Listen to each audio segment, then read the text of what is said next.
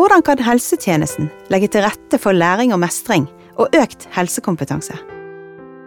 Mestring er en individuell prosess uten oppskrift. Men kan vi vise til noen stier som andre har gått opp? Velkommen til Spor av mestring, en podkast i regi av Nasjonal kompetansetjeneste for læring og mestring innen helse. Mitt navn er Hilde Blindheim Børve. Jeg er spesialrådgiver og har i mange år jobbet med pedagogikk i en helsekontekst. Velkommen til Spor av mestring, Janett Lilleås Mathiassen og Sølvi Heimestøl. Dere bor begge to i Haugesund-traktene og har noen erfaringer som dere har sagt dere er villige til å dele med oss. Velkommen. Men først så har jeg lyst til å høre litt om hvem dere er, bli litt bedre kjent med dere. Først litt om deg, Janett. Kan du si litt om deg selv? Ja. Jeg heter Janette Lillås Mathiassen. Jeg er gift med Roger og bor på Åkra på Karmøy. Vi har fire barn. Eh, Solveig Line på 24, Odd Magne på 21, Martin på 17 og Malin på 12 år. Eh, vi har fått et lite barnebarn nå dette året, Ulrik på snart ett år. Jeg er utdannet frisør men har jobba i familiebedriften vår i over 15 år, ei lokalavis som jeg drev i sammen med min far. Alle våre fire barn har forskjellige grader av en lungesykdom som heter bronki- og trakomalasi. Og den eh, diagnosen eh, har samme behandlingsopplegget som cystisk fibrose-pasienter. Takk, Janette. Eh, vi kommer mer tilbake til deg, men jeg har lyst til å høre litt fra deg og Sølvi. Du, Sølvi, du er sykepleier og har i mange år jobbet med barn, eh, og i mange ulike roller. Kan du si litt om det selv, du òg? Ja. Jeg har jobba med barn og familie hele yrkeslivet mitt, og da begynner jeg å bli noen år. Ja. Først på nyfødtavdeling, så møtte de når de var helt nyfødte, senere på barnepoliklinikken, og ikke minst på lærings- og mestringssenteret med kursvirksomhet for foreldre som har barn med nedsatt funksjonsevne. Og de siste åra så har jeg jobba med samarbeid mellom kommuner og sykehus, som òg er kjempeviktig for de familiene. Ja. Og ellers er jeg jo både mamma og bestemor, Du er så det er òg erfaring vi tar med oss. Ja, ja. Og hvis jeg skulle si noe jeg er spesielt opptatt av, så tenker jeg at det er familieperspektivet Mm. inn i disse familiene. Ja. Og det skal vi snakke om i dag i denne podkasten. Ja. Du, Sølvi, du traff Janette og familien hennes i forbindelse med en innleggelse, stemmer det? Ja. Jeg eh, møtte Sølvi for første gang da vi ble innlagt med eldstejenta vår når hun var ca. tre år gammel. Jeg var 22 år og hadde to små barn. Eh, vi ankom jo sykehuset seint på natta i ambulanse, og det hele var jo litt dramatisk og skremmende. Eh, og hun var ganske dårlig når vi ankom. Traff vel Sølvi tidlig på morgenen da hun kom på vakt. På Eh, tidlig vakt? Tidlig vakt, ja.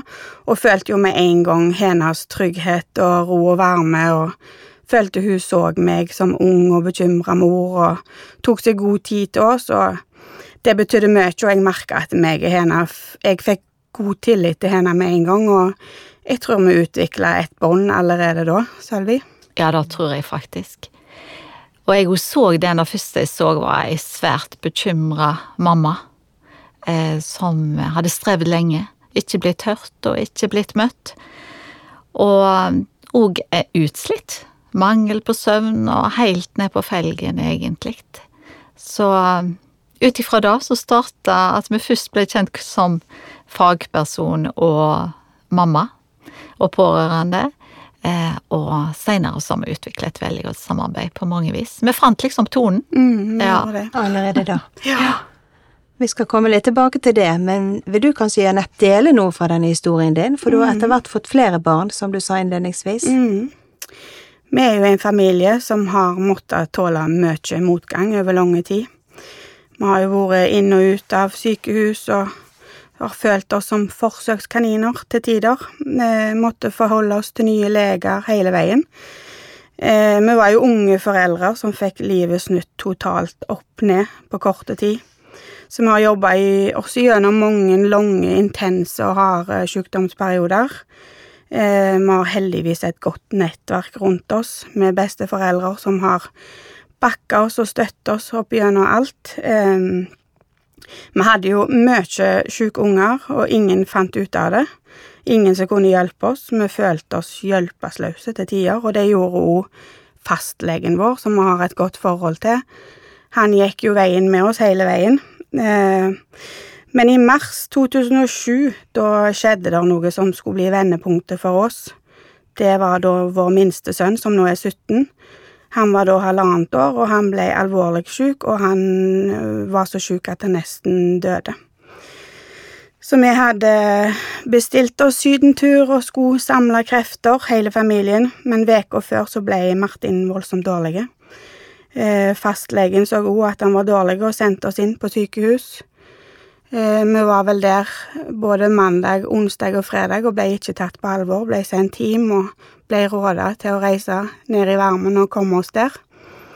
Eh, fredagen, da var han så dårlig, og da eh, satte fastlegen foten ned. At det, han beordra at det ble tatt blodprøver. Eh, og det fikk vi til slutt, på grunn av at jeg var hysterisk, mente de, og fastlegen var hysterisk. Eh, men når de kom og skulle fortelle blodprøvesvaret, så kom de seks stykker, og da forsto vi jo at eh, her er det alvorlig. Så på tre timer så gikk jeg ifra å være hysterisk mor til at han ble føken med luftambulanse til Haukeland. Han hadde organsvikt, og han hadde ikke blod og måtte ha blodoverføring, og han lå og kjempa for livet i to uker. Eh, men ifra det stadiet, altså når vi ble tatt imot på Haukeland, så utreda de, og de sendte oss til Rikshospitalet og utreda han for lungeproblemene. Og der eh, kom vi inn til en spesialist som fant ut hva lungesykdommen var, og han tok òg inn de andre ungene. Og fra den tida av så har vi fått en fantastisk oppfølging. Vi hører jo til på Haukeland, innimellom på Rikshospitalet. Har òg fått litt mer forhold til Haugesund igjen. Jeg sleit jo lenge med å stole på dem. Eh, men det er alltid Haukeland eller Rikshospitalet som på en måte tar det siste, det siste steget når det gjelder behandling på ungene våre. Vi har òg fått et godt forhold etter hvert nå med Haugesund sykehus, der vi har et godt team eh, som vi samarbeider godt med, og har gjort i mange år nå etterpå. Ja, flott. Ja. Og du, Sølvi, skal høre mer fra deg, Janett, men du, Sølvi, um, hva vil du si når du hører dette om helsepersonells rolle i møte med familier som har barn og ungdom etter hvert med langvarige helseutfordringer? Jeg tenker at det er mange lag i denne historien til Anette. Og det er noe når en går ifra det som skal fokusere på nå, med å, å, ha langvarige utfordringer, så det, skjer det noe når en går fra det akutte til å bli langvarig. Og da utfordrer det av og til hjelperollen litt. Fordi en går til å være den som har svaret på alt, kan fikse alt, til å på en måte bli en sånn type mer som medvandrer og, og, den som på en måte skal støtte og hjelpe og gi trygghet underveis, men i et veldig tett samarbeid med foreldrene. Så da å se hele familien, eh, både far og mor, at begge er med, inkludere alle, og ikke minst søsken. Det òg er et veldig viktig poeng. Vi har faktisk plikt til i sykehus og hjelpetjenestene òg til å ivareta søsken, og jeg syns det er veldig viktig. Det er fint. Så det er jo ikke alltid vite hvor veien går, men at ikke det blir uttrykt for det, for vi kan finne ut av det sammen. Da tror jeg er viktige nøkler som vi helsepersonell må øve oss litt på. Ja, Å være medvandrere. Er et fint uttrykk. Mm. mm. Ja, for det kan oppleves krevende å være foreldre til barn og unge som er syke.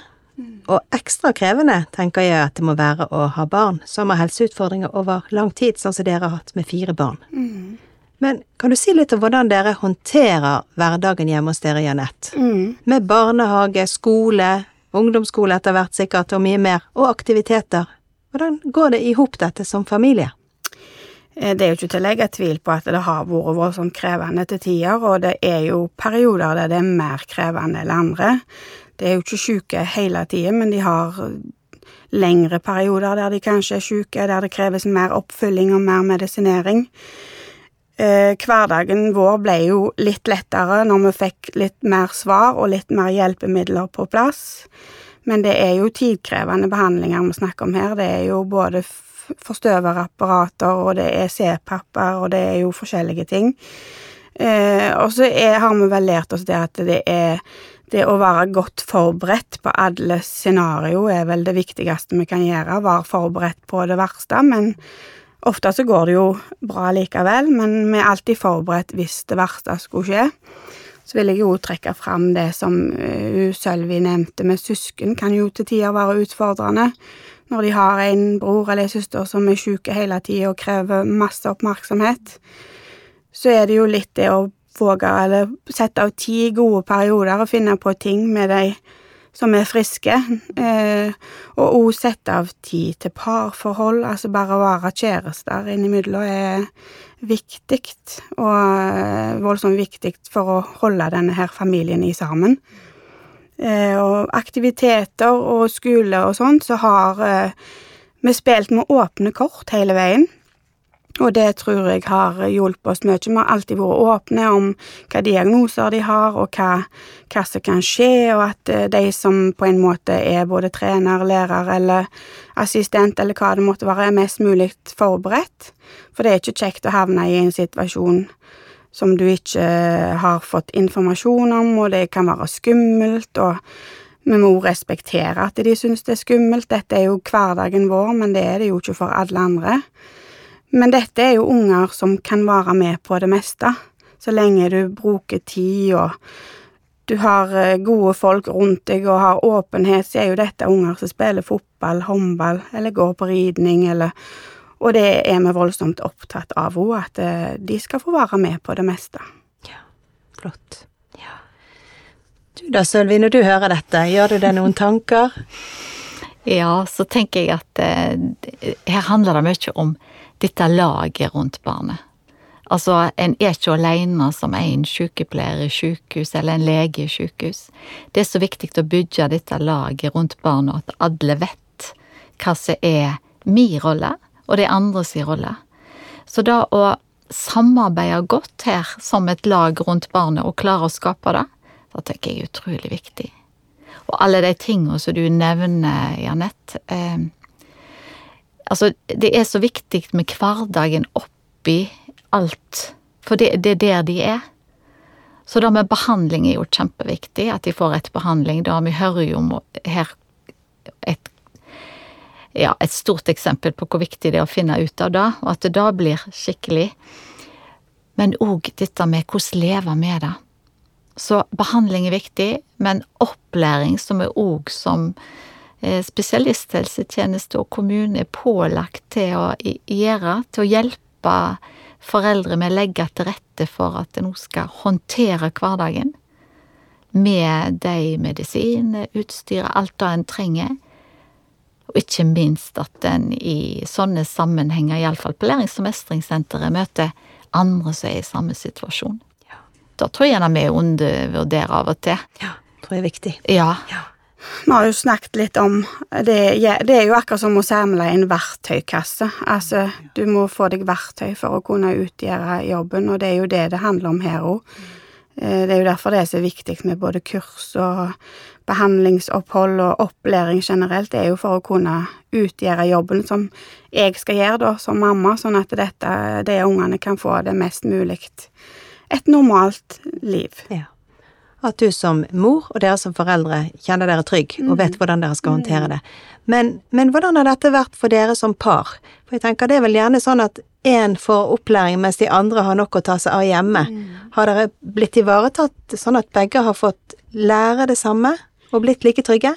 Vi har en fastlege som har vært voldsomt opptatt av det. Eh, I og med at vi var så unge når dette skjedde, og at jeg skulle slippe. Og vi har jo vært på alle behandlingsopplegg, vi har vært mange ganger på Voksentoppen og Rikshospitalet, og da er jo det normale at mor reiser og far er hjemme. Eh, men fastlegen vår var voldsomt opptatt av det, at vi skulle få være to. Og det har vært så viktig, for eh, far skal òg kunne bruke verktøykassen. Det er ikke bare mor som skal bruke den. og ungene skal føle seg trygge på at far kan ta den rollen når mor er vekke. Og ikke minst er det godt, jeg ser vi som har fått tredd den ene diagnosen over hodet etter den andre, så er det godt å være to, for noen ganger så er gjerne jeg langt nede og opplever den beskjeden hardere eller han på sida av meg, så kan du backe en annen litt opp. Så jeg tror det er utrolig viktig at eh, både mor og far får være med på den reisen. Har dere som eh, foreldre eller familie kommet i kontakt med andre familier som har lignende utfordringer? Nå har vi jo vært på lengre opphold både på Voksentoppen og på Rikshospitalet, og der er det jo andre Der samler de jo eh, mye unger med samme lignende diagnoser, og da treffer du jo både i matsalen og det er jo samtalegrupper og sånn, så der treffer du jo andre foreldre. Eh, vi har òg ei Facebook-gruppe eh, som heter Foreldre til malasibarn, eh, og der blir det jo utveksla råd og tips og erfaringer. Og så har jo jeg hatt gleden av å jobbe med Sølvi nå i over 20 år, hvor vi har hatt arrangert kurser. Foreldregrupper for uh, foreldre, besteforeldre, barnehage og nettverk rundt ungen. Der har vi jo truffet masse foreldre, og jeg har iallfall lært utrolig mye av de jeg har truffet. Og jeg føler jo det er voldsomt givende å føle at jeg kan hjelpe noen i min situasjon, som gjerne er i startfasen. Ja. På den veien har du gått. Mm. Og, og, og, høre at noen andre har vært igjennom noe av det samme, ja. Og lever et godt liv i dag, og i trygge situasjonen, det kan være utrolig vesentlig. Mm. Men du da, Sølvi, hva tenker du når du hører dette? Om opplæring og trygghet? Jeg bare støtter det så gjerne sier at den, eh, det samarbeidet som jeg har hatt, som begynte da tidlig, eh, og som vi har hatt opp gjennom hele tida, der du har vært med på både utviklingsprosjekt, forskningsprosjekt. Du har vært med på veldig mye, og ikke minst på Lærings- og mestringssenteret i forhold til kurs for foreldre. Eh, og òg da lære opp helsepersonell. Ja, det òg. Ja, det òg har du vært med på. Og jeg tenker det er så viktig med den utfyllende med fagkunnskapen og, og de erfaringene som du, Janett har, at det da går hånd i hånd. Og når vi møter foreldre ute, og de snakker om sine utfordringene, så vet de med en gang, kjenner at disse har du kjent på, på kroppen. Så da kan vi presentere denne verktøykassen i lag, du med dine erfaringer, og så kan jeg fylle på med min fagkunnskap. Og da blir det en mer troverdighet eh, i det hele. Kan du si litt om hvordan dere samarbeider på disse kursene? Ja, vi starter jo ut, Janett, med å ha hvert vårt innlegg, ikke sant? Ja. Med ulike perspektiv. Med ulike perspektiv, men så følte jeg ofte at eh, etter hvert som hun kom inn på temaer, så åh, der skulle jeg ha skutt inn, eller der skulle jeg ha sagt noe. Så da gikk vi vel over til en dialog, eh, som jeg syns iallfall var mye lettere å forholde seg til, og hvor jeg følte jeg fikk være litt mer til nytte. Mm. Når du kom inn på de forskjellige temaene, så et lite intervju mellom meg og Sølvi, og kanskje da var det litt lettere å komme inn på ting. Mm. Og så spør, har vi ofte spurt først, hva kjenner dere på som utfordringer? Dere som er i rommet? Ja, ja. de som er på kurs eller i rommet. Og da, når vi får det opp på ei liste, så er det jo helt gjenkjennbart. Og så har Janett sagt litt hvordan ja, dette har vi opplevd òg, og vi har løst det. Det er godt å høre. Ja, det gir sånt håp om at sjøl der de som har fire unger med ganske alvorlig lungesykdom, og Janett viser bilder av ungene, og en ser at det går jo bra, og det gir sånn håp. Eh, og så kan vi utforske litt både hva som gir glede, og hva som er tungt, og hva som gir håp, og hva som gir mestring, i den samtalen vår. Ja, du kommer inn på ordet mestring, Sølvi, eh, og det er et mye brukt ord. Eh, det snakkes mye om verdien av mestringsstøtte, det er vel egentlig det vi snakker om her. Men hva betyr mestring for deg og din familie, Janette, hvis jeg kan spørre deg om det? Ah, ja, mestring er et ord jeg er ganske glad i. Eh, mestring for oss, eller for meg, det betyr rett og slett hverdagslykke.